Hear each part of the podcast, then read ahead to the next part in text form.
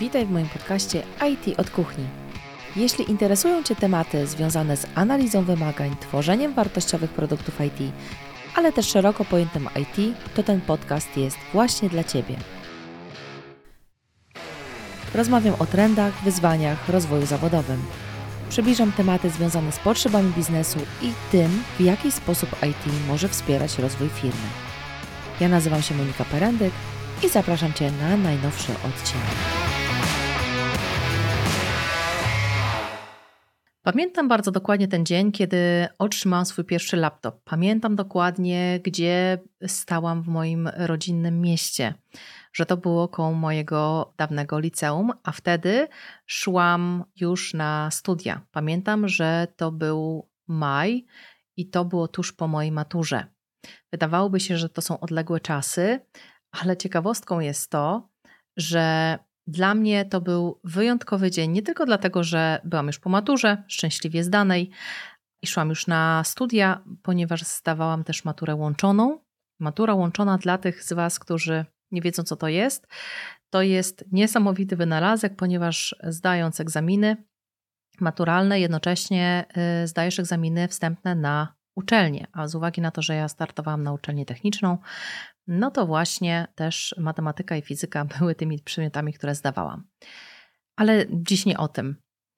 Pamiętam ten dzień, dlatego pamiętam wszystkie obrazki, które mi towarzyszyły, dlatego że dzień, kiedy otrzymałam tego laptopa, który pamiętam, że kosztował ponad 3000 i to wtedy były bardzo ogromne pieniądze, to był dla mnie bardzo ważny dzień, dlatego że też musisz wiedzieć, że w tamtym czasie, po pierwsze, e, w liceum nie było takiej konieczności pracy na laptopie, dlatego że większość rzeczy pisaliśmy ręcznie, również z wypracowaniami.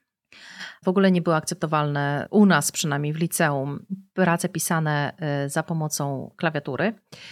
Po drugie, to był dla mnie wyjątkowy dzień, dlatego że w większości domostw tak naprawdę, jeżeli już pojawił się komputer, no to to był komputer stacjonarny, dlatego że on był uważany za solidniejszy, podobnie jak dzisiaj, e, miał lepsze parametry. No i tutaj możemy sobie jeszcze wiele rzeczy mm, dopisać. Ciekawostką e, jest to, ja wspominałam o tych e, pieniądzach, dlatego że trochę chichotem losu jest to, że obecnie za te pieniądze kupuje średniej klasy flagowca, jeśli chodzi o smartfon. Na w tamtych czasach w ogóle o smartfonach nikt nie myślał, nawet nie wiedział, że coś takiego będzie istniało. No bo telefon komórkowy i wtedy przodująco Nokia i mm, jeszcze jeden operator, którego teraz nie pamiętam. W każdym razie ten telefon komórkowy miał trochę inne cechy, bo inne rzeczy były ważne. E, rzadziej korzystało się z abonamentów, ponieważ one były dedykowane dla firm. Raczej kupowało się karty z doładowaniem, ale to też jest historia na zupełnie inny odcinek. Jeśli jesteś zainteresowany, zainteresowana tym, jak to wtedy wyglądało, to koniecznie daj znać. Pamiętam ten moment przede wszystkim e, samego otwierania tego laptopa. I tutaj myślę, że może Cię zaciekawić to, że żeby otworzyć wtedy laptopa, potrzebne były dwie ręce. I nie dlatego, że musisz trzymać tego laptopa obiema rękami, bo ci wypadnie i szkoda tego sprzętu, tylko dlatego, że samo otwarcie tych klap właśnie takich czynności wymagało. Jedną ręką e, musiałam odblokować taki suwaczek, który zabezpiecza przed przypadkowym otwarciem tej klapy w tym laptopie, a z uwagi na ciężar takiego laptopa, bo to było ponad 3 kg, tak do 3 kg, musiałam trzymać tą podstawę laptopa, która automatycznie wędrowała wraz z podniesieniem tej e, jednej klapy, dlatego że były solidne e, zawiasy e, zastosowane w tym laptopie. Tymczasem, my jesteśmy tutaj w Polsce, Tymczasem po drugiej stronie globu jest jeden człowiek, który zakwestionował właśnie taki sposób użytkowania produktu, jakim jest laptop, zwracając uwagę, że każdy moment kontaktu z produktem od jego pierwszego dotknięcia, powiedzmy w sklepie, przez rozpakowanie tego produktu, aż w końcu uruchomienie, każdy ten kontakt powinien skupiać się wokół wrażeń, jaki ma użytkownik. No i jeśli mm, nie wiesz o kim mówię, to tą osobą jest Steve Jobs, którego maksymą stało się stwierdzenie think different, czyli myśl inaczej. To było też ma, taką maksymą w jego produktach. I jeśli może trudniej ci e, jest sobie wyobrazić, jak wyglądała to otwieranie laptopa e, w wydaniu Apple, to tak naprawdę otwierało go się jedną ręką. Teraz dla nas otwieranie jedną ręką laptopa jest jakby rzeczą zupełnie naturalną, jak można wręcz otwierać to bardziej skomplikowanie. A może pamiętasz e, swoje pierwsze wrażenia z otwierania telefonu? E, czyli tutaj jesteśmy e, w smartfonach. Łatwe ściąganie folii, idealnie spasowane pudełko, telefon, z którego jednym pociągnięciem zdejmujesz zabezpieczenie, mm, a opakowanie jest zaprojektowane w taki sposób, by podniesienie urządzenia nie sprawiło ci największego problemu od razu wybudzenie tego telefonu i rozpoczęcie działania, a nie jego konfiguracji. To były jedne z takich cech wyróżniających i nadal są e, wyróżniające, jeśli chodzi o rozwiązania Apple. Zobacz, e, że jak pomyślimy sobie o urządzeniach Android, teraz dla nas to też jest zupełnie naturalne, natomiast przez bardzo długi okres czasu nie mogliśmy rozpocząć korzystania z telefonu przed jego konfiguracją, która była niesamowicie żmudna. Przenoszenie jakichkolwiek rzeczy z jednego telefona do drugiego było zmorą każdego użytkownika telefonu. Dlaczego w ogóle o tym mówię? Dlatego, że właśnie doświadczenie użytkownika, wrażenia, jakie z tych doświadczeń wynikają, wpływają nie tylko na to, w jaki sposób postrzegasz produkt, ale przede wszystkim go oceniasz. Jak ty się czujesz w momencie, kiedy korzystasz z tego produktu. I przypomina się, mi się jeszcze jedna historia, która pokazuje właśnie i daje dowód temu, co przed chwilą powiedziałam. Korzystając z rozwiązań e, Microsoftu, a dokładnie z e, jednego z laptopów, po aktualizacji Microsoftu, ku memu zdziwieniu, aktualizacja nie do końca dobrze się zgrała z e, tymże urządzeniem Microsoftu. I w pierwszej chwili ta moja złość, ponieważ byłam przed szkoleniem, ten laptop e, służył mi jako też tablet graficzny, w związku z tym no tutaj dużo rzeczy musiałam po, przygotowywać sobie trochę inaczej pod to szkolenie. I ta moja złość spowodowała, że ja wiedziałam, że jak będę zmieniała sprzęt, to na pewno nie będzie to rozwiązanie Microsoftu. I ku memu zdziwieniu, takiemu pozytywnemu zaskoczeniu, pozytywnym zaskoczeniem było to, że faktycznie obsługa serwisowa była na tak wysokim poziomie i mam nadzieję, że nadal tak jest, że nie tylko udało mi się rozwiązać ten problem, ale mało tego, poprosili, żebym odesłała ten sprzęt na ich koszt i otrzymałam nowy sprzęt. No, po takim doświadczeniu obsługi inaczej patrzę na ten produkt i zgadnij, jaki mam teraz laptop.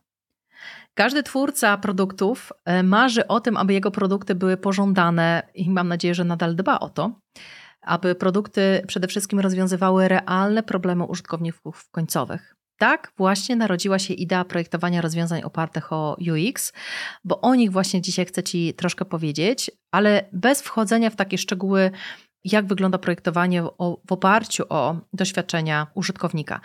Choć pierwsze wzmianki o takim podejściu, mimo że jeszcze bez dokładnej nazwy, czyli User Experience Design, y, zaprowadzają nas do Włoch, a dokładnie do dworu Sforcy, który to poprosił Leonardo da Vinciego, tak dokładnie tego Leonardo, aby ten zaprojektował mu kuchnię. I w pierwszym odruchu pewnie sobie myślisz, że Leonardo zabrał się za e, rysowanie tych planów kuchni e, zgodnie ze swoją sztuką, z wprowadzeniem innowacji, z których słynął. Natomiast Leonardo podszedł do tego zadania zupełnie inaczej, zaskakująco jak na tamte czasy. Zamiast rysować plany kuchni, powielać schematy, które były ogólnie znane, postanowił zaobserwować pracowników podczas pracy w kuchni, aby jak najlepiej zaprojektować rozkład kuchni, który wspiera ich w codziennym działaniu. Dzisiaj powiedzielibyśmy, że chciał zaprojektować kuchnię zgodnie z zasadami ergonomii. Rodzi się tutaj pytanie, czy taki zabieg można by było przeprowadzić w sytuacji, w której nie mamy takiej kuchni i ten stwórca chce dopiero ją zaprojektować, chce dopiero ją stworzyć. Tutaj musielibyśmy zmodyfikować podejście, ponieważ sama obserwacja konkretnych osób nie wystarczyłaby ponieważ rozmawialibyśmy tylko o obowiązkach, wyzwaniach, problemach e, z osobami, które mają korzystać z kuchni, ale bardzo trudno byłoby nam wyjść poza te schematy i ta kuchnia prawdopodobnie nie byłaby dobrze zaprojektowana. Zatem y, musimy poszerzyć swój horyzont i zajrzeć, porozmawiać z innymi osobami, które również wykonują taką samą pracę i mierzą się z innymi problemami, ale już mają tą kuchnię. Czy widzisz analogię do pracy analityka? Jeśli pracujesz z klientem, identyfikujesz wymagania, to zapewne nieraz słyszałeś o tym, co produkt powinien posiadać. Jest to lista niekończących się życzeń, wyobrażeń klienta o danym produkcie. A i tak na końcu klient w dużej mierze jest niezadowolony z tego, co otrzymał.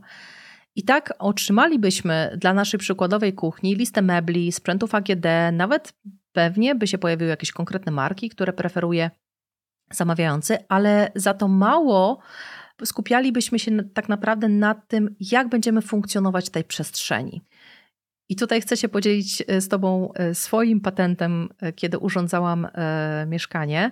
I faktycznie właśnie w taki sposób podchodziliśmy trochę symulowaliśmy pewne działania w konkretnych przestrzeniach e, kuchennych, żeby faktycznie zobaczyć, gdzie wolałabym mieć na przykład, nie wiem, zlew, jakiej wielkości, jak będzie wyglądała taka obsługa. Dzięki temu lepiej udałoby się e, zbudować taką przestrzeń.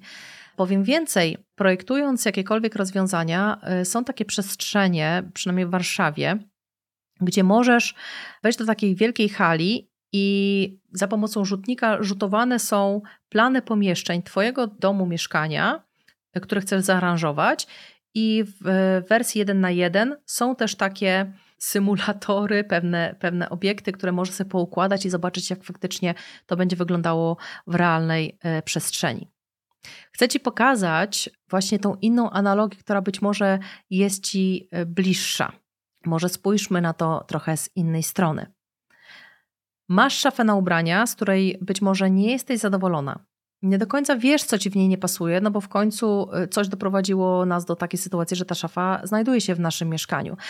Ale jesteś przekonana, że chcesz ją zmienić, bo po pierwsze ubrania ci się nie mieszczą, ubrania ci się gniotą. E, nawet jeżeli uda mi się gdzieś się upchać, to tak naprawdę e, nie wiem, co w swojej garderobie e, posiadam, czyli słynny dylemat poranny, w co mam się ubrać. Proces oparty o doświadczenia użytkownika rozpoczęłby się od remanentu, czyli wyjęcia wszystkich ubrań z tej szafy, posegregowania je na różne kategorie, czyli ubrania, z których na pewno w ostatnim roku nie skorzystałam i nie nadarzy się w najbliższym czasie okazja, w którym bym y, z nich skorzystała. Ubrania, które czasy świetności już mają za sobą i być może ja też. To znaczy, nie wcisnę się za żadne skarby w te jeansy, więc nie ma sensu ich trzymać. No i dzięki takiej segregacji dopiero widzę, ile tak naprawdę potrzebuje przestrzeni, jak powinna być zorganizowana ta e, szafa. W kolejnym kroku po tej segregacji przyglądalibyśmy się temu, w jaki sposób korzystasz obecnie z szafy, czyli jak odkładasz ubrania, jak je wieszasz, czy je składasz w kostkę, czy jakoś segregujesz, czy je po prostu upychasz w jakieś przestrzenie i w związku z tym potrzebujesz trochę innego rozwiązania. Dzięki temu właśnie możemy najlepiej dopasować rozwiązanie do Twoich realnych potrzeb, do tego, żeby to e, rozwiązanie towarzyszyło Ci w codzienności. I słowo realna potrzeba jest spoiwem dwóch umiejętności, które są niezbędne do tego, aby budować wartościowe rozwiązania w IT. Po pierwsze, potrzebujemy świadomości i umiejętności user experience, czyli tego, co doświadcza mój użytkownik na każdym z etapów korzystania z danego rozwiązania, które właśnie trzyma w ręce, ale również uzupełnienia w postaci umiejętności analitycznych. Nie da się zastąpić tych dwóch umiejętności, czyli umiejętności analizy i umiejętności UX-owych. Zawsze będzie ci ciągnęło do jednej ze stron. Taka jest kolej rzeczy. Możesz mieć świadomość i nawet wiedzieć, jak ważne jest podejście UX-owe, i być może na pewnym etapie ta wiedza jest wystarczająca, bo znasz heurystyki Nielsena, w związku z tym jesteś w stanie gdzieś zaprojektować lepszy proces korzystania z danego rozwiązania przez użytkownika końcowego. Możesz wiedzieć, że analiza zależności i logika biznesowa jest ważnym elementem procesu projektowania, ale nie jest to Twój konik, raczej to jest Twoja pięta archillesowa, więc potrzebujesz te umiejętności uzupełnić w zespole poprzez zaproszenie do tego zespołu na przykład analityka. Mówię o tym dlatego, że pracując z zespołami, w których mamy analityka i UX designera, może zderzyć się z następującymi stwierdzeniami. I w sumie nieważne, którą stronę zapytasz, otrzymasz garść, garść uwag na temat tej drugiej strony potencjalnego konfliktu interesów. Pytając analityków, Usłyszysz o UX designerach mniej więcej to, że interesuje ich tylko jak wykazać się przy projektowaniu współpracy użytkownika z aplikacją i w ogóle zapominają o Bożym świecie, zapominają o pozostałych interesariuszach, im dziwniej, tym lepiej. Napięcie jest coraz większe, jeśli UX łączy również rolę UI-a. Uwaga, wtedy faktycznie gaśnicę w dłoń, bo zaraz będzie naprawdę gorąco. Jeśli zapytasz osoby od UX o ich opinię o analitykach, dowiesz się, że w sumie to oni nic nie robią w projekcie, skoro faza benchmark i tak musi być wykonywana przez nas, czyli przez UX designerów. W związku z tym, że te umiejętności są komplementarne, czyli wzajemnie się uzupełniają, Najważniejszym elementem budowania takiej współpracy między zespołem czy pojedynczymi osobami z jakby dwóch stron tego samego zagadnienia, czyli UX-owców i analityków, polega głównie na tym, żeby po pierwsze wypisać sobie wszystkie elementy, które każda ze stron wykonuje w projekcie, które pamiętajmy, ma jeden cel stworzyć najlepiej dopasowany produkt do potrzeb klienta. Więc każda ze stron tak naprawdę chce to zrobić najlepiej. Trochę jak w małżeństwie. Kłócisz się nie dlatego, że chcesz podważyć argumenty drugiej strony, tylko kłócisz się dlatego, że jedna strona chce lepiej, a druga jeszcze lepiej. I podobnie jest w tej sytuacji. Myślę, że zgodzi się ze mną, że jak, pracując jako analityk, nie zależy tobie na tym, żeby wykosić zespołu UX-owca i podobnie UX-owcowi nie zależy na tym, żeby pokazać, że tak naprawdę jesteś w zespole niepotrzebny. Potencjalny konflikt wynika z tego, że początek fazy projektowania dla obu stron ma bardzo podobny wymiar. To znaczy, analityk dąży do tego, żeby zidentyfikować potrzeby klienta, i podobnie do tego dąży UX-owiec, tylko dochodzimy do tych samych albo podobnych argumentów innymi metodami, co wcale nie oznacza, że to jest lepiej bądź gorzej. Jest inaczej, to bez wątpienia. Dlatego warto spojrzeć na tą drugą stronę troszkę z innej perspektywy. To znaczy, co dla takiej osoby, która pracuje na stanowisku analityka, jest ważne. Dla analityka ważne jest to, żeby rezultatem mojej pracy była lista wymagań względem rozwiązania, który swój początek bierze w potrzebach klienta. Natomiast dla UX-owca bardzo ważne jest to, żeby zaprojektować takie doświadczenie użytkownika w korzystaniu z aplikacji, które oczywiście swoje podłoże mają w potrzebach klienta, ale do tych potrzeb dochodzimy trochę innymi technikami. Być może słyszałeś o punktach bólu, być może słyszałeś o takim narzędziu jak Customer Journey. To są jedne z e, technik, e, jedne z podejść, które ułatwiają nam zrozumienie, gdzie są te punkty frustracji mojego użytkownika. To jest kilka pytań, które zawsze powinniśmy sobie zadawać. Czemu w ogóle ten użytkownik będzie chciał znaleźć cokolwiek w mojej witrynie? Co jest jego motywatorem? Jak będzie się czuł, jak już, nie wiem, przykładowo zaloguje się, czy sposób logowania będzie dla niego komfortowy, byśmy powiedzieli, ile wysiłku musi włożyć, aby osiągnąć oczekiwany rezultat. I zwróć uwagę na to, że my, jako analitycy, bardzo często pomijamy y, zastanowienie się i rzadko kiedy dążymy do tego, żeby zrozumieć, co tak naprawdę nasz użytkownik chce osiągnąć. Uwierz mi, użytkownik nie pragnie uzupełniać tony formularzy. On nie pragnie uzupełniać e, formularza rejestracji, żeby się dostać do konta. Ty nie pragniesz zapamiętać e, hasła do swojego konta bankowego i mieć tysiąc powiadomień SMS-owych, e, które zautoryzują Twój dostęp. Ty po prostu chcesz sprawdzić saldo na swoim koncie, tak? Więc jeżeli masz aplikację bankową, dla ciebie to jest zupełnie funkcjonalność pozytywnie zaskakująca. Ojejku, ktoś pomyślał o tym, że faktycznie mogę chcieć e, tak skorzystać z tej aplikacji. Jeżeli użytkownicy będą wielokrotnie powtarzać działania w witrynie czy mojej aplikacji, to jakie nawyki w nich e, wytworzę? I czy będzie trudno mi zmienić ten nawyk w momencie, kiedy będę chciała zmienić e, całą strukturę mojej aplikacji? Czego mój użytkownik się spodziewa w wyniku kliknięcia tego konkretnego elementu na tym ekranie, w tej aplikacji. Czy zakładam, że użytkownik będzie wiedział, jak coś zrobić? Czy będzie wiedział, jak coś uzupełnić? Czy będzie skłonny ponownie wykonywać y, taką samą czynność? Zobacz, czynność taka bardzo charakterystyczna, która pięknie obrazuje to, w jaki sposób można zaprojektować aplikację bez użycia UX-a, to jest chociażby e, system odnowienia subskrypcji na platformach VOD. Mamy Netflixa, Disneya, HBO, Canal Plus, e, Prime, Amazon Prime oraz inne jeszcze platformy. I bez względu na to, e, na którą platformę się będziesz chciał bądź chciała zalogować, zobacz, że sam moment odnowienia subskrypcji wygląda całkowicie inaczej.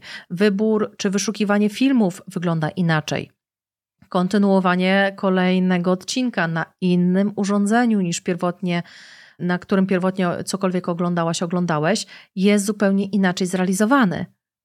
Wydawałoby się, no przecież jak może być inaczej zrealizowany, skoro mówimy o tym samym procesie? No właśnie, dlatego że rzadko kiedy przywiązuje się tak dużą wagę do tego, jak bardzo wkurzony będzie mój użytkownik i gdzie jest ta jego granica bólu. Jako analitycy w pierwszym kroku naprawdę o tym nie myślimy i nie jest to nic złego, po prostu tak nas nauczono. E, my myślimy o tych e, kwestiach technicznych, natomiast o tych kwestiach psychologicznych, e, elementach związanych z emocjami, czy też tekstem, który widzi akurat użytkownik końcowy, myśli o tym i dba o to właśnie UX designer. Mogę tutaj sobie pomyśleć o takim pytaniu, które bardzo często jest związane z copywritingiem. To jest tworzenie takich perswazyjnych przekazów, które ma, mają określone cele. Na przykład, czy mój przekaz budzi zaufanie mojego użytkownika i instruuje go o oczekiwanych działaniach, które mam zaprojektowane dla niego co zachęca i co zniechęca użytkowników do osiągnięcia celu. Tym celem może być na przykład, nie wiem, zakup jakiegoś produktu, przeskrolowanie, e, zaangażowanie, tak? Więc to są takie rzeczy, na które bardzo mocno zwracają uwagę UX designerzy i warto z tego czerpać. To znaczy, nie walcz Naprawdę nie walcz, dlatego że projektowanie UX to nie jest po prostu takie zdarzenie, takim jak mamy identyfikację, która się w którymś momencie kończy. Kończy się z pisaniem listą potrzeb użytkownika oraz interesariuszy że to jest taki punkt jak analiza, że po prostu masz przeanalizowane wszystkie kropki, które początkowo były rozsiane e, na planszy i teraz już wiesz, że to jest jakiś kształt, to ma jaką, jakąś formę, tylko to jest po prostu proces które warto włączyć w proces analizy, szczególnie na jej początku. I tak jak początkowo e, zwracam Tobie uwagę, jak ułożyć tą współpracę, jednym z takich prostych patentów jest to, żeby faktycznie skorzystać z takiej metody kropek. Ta metoda kropek mówi nam o tym, gdzie czujemy się mocni, gdzie czujemy się słabsi, a gdzie to jest w ogóle nie nasz rewir. Więc warto, jeżeli masz takiego UX-owca w swoim zespole i jednocześnie analityka, warto się zaznaczyć, jak, jak podzielić poszczególne zadania na te zadania, które dla każdej ze stron są w strefie ich własnego komfortu. Mogę sobie wyobrazić taką sytuację, z którą też wielokrotnie y, się zderzałam, że faktycznie UX-owiec od razu widząc analityka na, na horyzoncie, od razu zaczyna go atakować, tak? I zaczyna używać sformułowań, które dla tego analityka są całkowicie niezrozumiałe. Więc jeżeli masz do czynienia z taką sytuacją, poproś tego UX-owca, żeby sprecyzował, co ma być rezultatem Twojej pracy. Po czym on pozna, że ten rezultat został osiągnięty, w jakiej formie masz przygotować mu e, tą pracę. I zauważysz, że tak naprawdę zmuszasz poniekąd UX-owca do sprecyzowania swoich oczekiwań względem tego, co Ty masz mu dostarczyć, żeby Znów UX-owiec mógł wykonać swoją pracę należycie. Z drugiej strony y, może być też taka sytuacja, kiedy ty wchodzisz do grupy, która jest być może zgrana, jesteś analitykiem, y, no i po tej drugiej stronie mamy tego UX-owca, no i chcesz tak naprawdę na początku y, wejść dość miękko w tą sytuację i trochę bez eskalowania zastanowić się, w jakich obszarach możemy współpracować. Więc e, bierzesz sobie kartkę, wypisujesz wszystkie zadania, które muszą być zrobione, czyli wiemy, że mamy identyfikację potrzeb, musimy zrobić jakiś research gotowych rozwiązań, przeanalizować jakąś konkurencję. E, tak, przykładowe takie, takie zadania możemy sobie tutaj sprecyzować. No i teraz w kolumnie wypisujesz na tego analityka i wypisujesz tego UX-owca i prosisz ich, aby osobnie na osobnych kartkach zaznaczyli kolorem zielonym, które z tych zadań są dla nich w strefie komfortu, to znaczy mają doświadczenie, czują się w tym mocarni. Kolorem żółtym jest zaznaczą takie zadania, w których mają jakieś doświadczenie, ale to nie jest może ich pierwszy wybór, żeby się nie rzucą na, na to zadanie od razu. Na przykład analiza konkurencji może być bardzo mocną stroną analityka, a UX-owiec no, robi, bo wie, że to musi zrobić, musi przeanalizować jakieś na przykład gotowe rozwiązania. Ale też możesz mieć taką sytuację, kiedy i analityk i UX-owiec będą chcieli wykonywać to zadanie wspólnie. A to oznacza, że musisz stworzyć i powinieneś stworzyć dla nich wspólną przestrzeń do tego, żeby mogli e, zrobić najpierw e, ten research wspólnie, a później ocenić, które rozwiązania są tymi rozwiązaniami, które chcemy zainwestować. No i czerwona kropka, no to są takie zadania e, na zasadzie na pewno nie ja. No i zobacz, jeżeli byś miał zieloną planszę, to jest totalna rzadkość. No to jest sytuacja taka, że te zadania musisz podzielić na mniejsze, to znaczy co rozumiem przez research, czym ten research powinien się zakończyć. Nie? I to może być taka sytuacja, że e, dzielisz to zadanie na podzadania, to znaczy najpierw zrzucamy, nie wiem, do Miro, do Murala albo do jakiejś innej przestrzeni wszystko, co znaleźliśmy w sieci. W drugim kroku, no i to mogą robić dwie osoby tak? No bo tutaj nie podejmujemy żadnych decyzji. W drugim kroku musimy podjąć decyzję i tutaj może się okazać, że zaczyna się różnicować to zadanie. To znaczy analityk powie, ok, no ja nie mam takiego wyczucia, które rozwiązanie da się zaimplementować, tutaj musi rozstrzygnąć na przykład nasz programista, e, nie? Albo jako analityk mogę dać wsad e, od strony klienta i powiedzieć, które rozwiązania są bliższe temu, co klient oczekuje od naszego rozwiązania. Więc jak widzisz, da się mm, zarządzić tym potencjalnym konfliktem, zamiast go eskalować. Nie? No bo z góry już zakładam, że ten analityk zabierze mi część pracy, a jak mi zabierze część pracy, to reszta zespołu uzna, że w sumie to jak analityk kiedyś projektował i trochę ma większe skille, jest na, na poziomie seniority, jak ja to mówię, czy już y, wiele widział, wiele robił, y, no to w sumie ten UX nie jest y, istotny.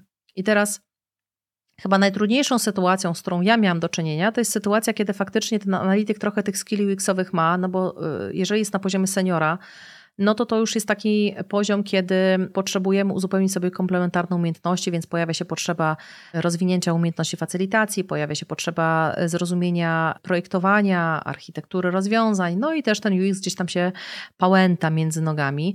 No i faktycznie bardzo często wtedy sięgamy po te różne frameworki, e, e, zaczynamy się zastanawiać, a faktycznie może to projektowanie z doświadczeń użytkownika ma duże tutaj racje bytu. Bardzo często zastanawiam się, jakie teksty powinny mm, y, tutaj być zaprojektowane, tak? Jak je łożyć, jak przygotować architekturę informacji, która jest bardzo ważna, co to znaczy błąd poznawczy, tak? Więc to są takie obszary, które y, taki analityk na poziomie seniora bardzo mocno eksploruje. Czyli dla ciebie wyznacznikiem może być to, na jakim poziomie jesteście. No bo zobacz, jeżeli mamy UX-owca na poziomie juniora, a ty jesteś analitykiem na poziomie seniora, no to możesz być bardzo dobrym partnerem do rozmów na bardzo podobnym poziomie, bo nie czarujmy się, nawet jeżeli jesteś na poziomie seniora, to Twoja wiedza na temat UX-a jest na poziomie juniora i to się raczej nie zmieni, chyba że chcesz się przekwalifikować.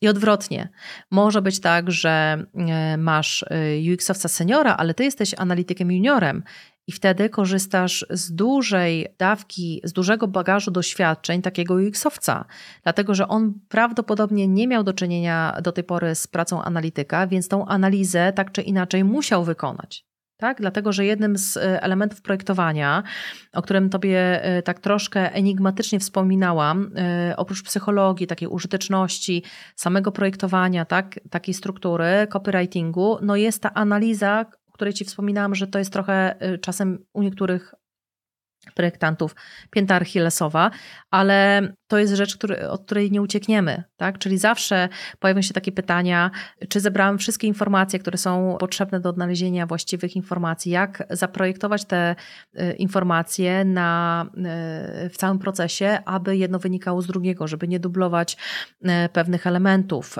czy są jakieś logiczne powiązania pomiędzy tymi elementami, jak je zaprojektować. I na koniec chcę się podzielić z Tobą takim moim doświadczeniem, gdzie pracując z UX-ami w dwóch różnych firmach, w różnym podejściu otrzymywaliśmy całkowicie różne rezultaty.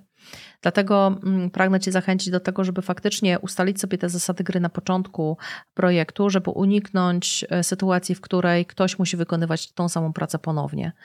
I jeżeli rozpoczynacie pracę nad projektem, nie wiem, przepisywanie aplikacji z jednej platformy na drugą platformę, albo projektowanie tej aplikacji, czyli gdzieś jesteśmy na bardzo e, wczesnym etapie budowania produktu e, czy realizacji projektu, to rozpoczęcie pracy od UX-a nie jest dobrym rozwiązaniem. dlatego że zawsze pod tym procesem biznesowym, który jest punktem wyjścia do modelowania procesu z użyciem user experience, kryją się reguły biznesowe, kryje się ta logika biznesowa, która jest kluczem, bo może się okazać, takie jest moje doświadczenie, że po tym, jak my pokażemy, jakie są powiązania pomiędzy polami, co z czego wynika, dlaczego tak, a nie inaczej, jak to powinno działać pod kątem optymalizacji procesu biznesowego, okaże się, że cały projekt trzeba troszkę zmodyfikować, ponieważ on tych reguł nie uwzględniał. Więc to nie jest tak, że albo pracuję jako UX, albo pracuję jako analityk, tylko to jest niesamowite szczęście, że mogę pracować w zespole z UX-em i analitykiem dlatego że oni się wzajemnie uzupełniają. Trochę to jest tak, jak uzupełnienie pomiędzy product ownerem a analitykiem, o to będzie osobny odcinek, ale już teraz mogę Ci powiedzieć, że to są też komplementarne umiejętności. Jeżeli mamy świadomość, kto za co odpowiada, co jest dominującą umiejętnością w danym zawodzie, czyli w UX-ie i e, analityku, mogę wiedzieć, chcę wykorzystać te umiejętności najlepiej dla zespołu, najlepiej dla projektu, najlepiej jak to tylko potrafię. Więc zachęcam Cię do tego, żeby faktycznie, żeby myśleć e, z uwzględnieniem tych potrzeb użytkownika, jeśli chodzi o projektowanie aplikacji, ale też e, nie zaniedbywać tego, co jest dla nas najważniejsze, dla nas analityków, czyli finalnie tych funkcjonalności, które ten produkt powinien posiadać. Dzięki, że poświęciłaś, poświęciłeś swój czas. Ten podcast powstał, aby dzielić się wiedzą i doświadczeniem. Mam nadzieję, że ten odcinek dotrze do wielu osób, więc udostępnij go i podziel się dobrym z innymi. Trzymam kciuki za Twój rozwój. Ciao.